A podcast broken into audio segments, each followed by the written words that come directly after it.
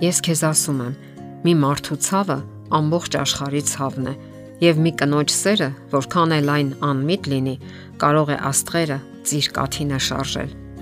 Ու ես սեղմում եմ քեզ իմ գրկում, որպես նավիս կորացող Իրանը։ Սիրո ահեղ այտուսը, որ նման է սկսվող նավարկության։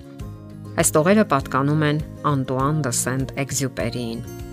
Առողջ հարաբերություններ պահպանելը անհրաժեշտ է թե նախքան ամուսնությունը եւ թե դրանից հետո։ Որքան էլ տարիներն անցնեն եւ դուք մեծանաք, այդ ճիշտ եւ առողջ սկզբունքները անհրաժեշտ է կիրառել կյանքում։ Պարզվել է, որ նման դեպքերում զույգերն ավելի քիչ են ենթակա սթրեսի եւ մարդկային ուղեղը չի մոռանում սիրելի մարդու հետ առաջին հպումները։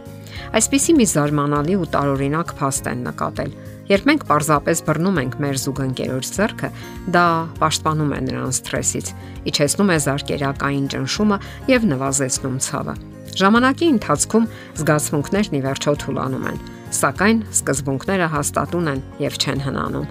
Շատերն են նկատում այդ երևույթը եւ այնուամենայնիվ չգիտեն ինչպես վարվել ինչպես վերադարձնել նախկին հրաշալի ու պայծառ զգացմունքները, ինչպես վերականգնել հույզերի թարմությունը։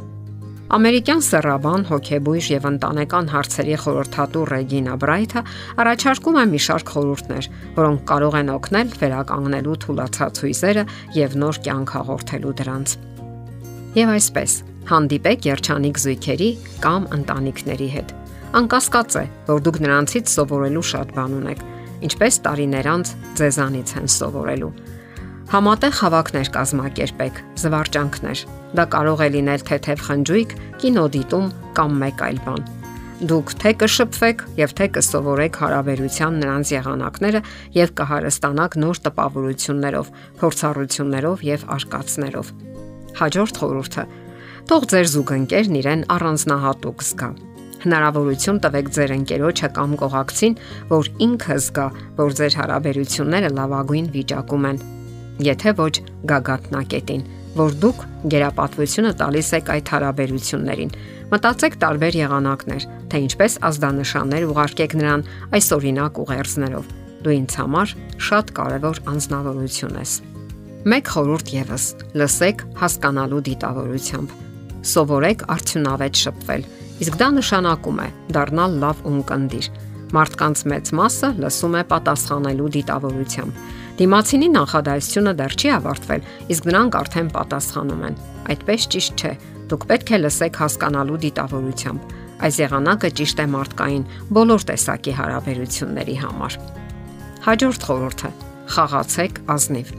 Հարաբերություններում միշտ չէ, որ ամեն ինչ լավ է ընթանում։ Զույգերի մոտ երբեմն հարաբերությունները համաձայնությունը խաթարվում է Հատկապես նման ժամանակաշրջանում հարկավոր է հետևել սեփական արտահայտ չամիջոցներին, ձայնին։ Արդյոք չեք նեղացնում ձեր կողակցին։ Արդյոք չեք վիրավորում, չեք նվաստացնում կամ մեղադրում կամ էլ քննադատում։ Նախքան ինչ որ բան կասեք, կշռադատեք։ Դա կբարելավի թե կվատացնի ձեր հարաբերությունները։ Իսկ եթե վրիպումներ եք թույլ տվել, ապա չմոռանաք ներողության մասին։ Հաջորդ խորհուրդը Հնարավորություն տվեք ձեր կողակցին լինելու ինքն իր հետ։ Սովորեք ընդունել ձեր զուգընկերոջը շատ բնական։ Հնարավոր է, որ ինչ որ բան դուր չի գալիս ձեզ։ Հարգեք ձեր տարբերությունները։ Միանման մարդիկ չեն լինում։ Մարդիկ հաստոցի տակից դուրս չեն գալիս չափված, ձևված եւ միանման։ Հնարավորություն տվեք ձեր կողակցին, որpիսի լինի իր մտքերի, իր հույզերի եւ նախասիրությունների հետ Եթե մենք փորձում ենք պարտադրել դիմացինին, որpիսի անի եւ լինի այն, ինչ մեզ դուր է գալիս, նշանակում է մենք սիրում ենք ընդամենը մեր արտացոլումը։ Հաջորդ խորհուրդը. ժամանակ հատկացրեք նաեւ ձեզ համար։ Մենք բոլորս կարիք ունենք ժամանակ առ ժամանակ լինելու միայնության մեջ։ Առանձնացրեք 1 օր միայն ձեզ համար եւ վայելեք ձեր ընկերակցությունը։ Գնացեք զբոսնելու, գնացեք դիմահարդարման, մարզական միջոցառումների, հանգստացեք ըստ ձեր ճաշակի։ Այդ նույն հնարավորությունը տվեք նաև ձեր դիմացինին, ով ձեզ նման հանգստանալու ցանկություն ու կարիք ունի։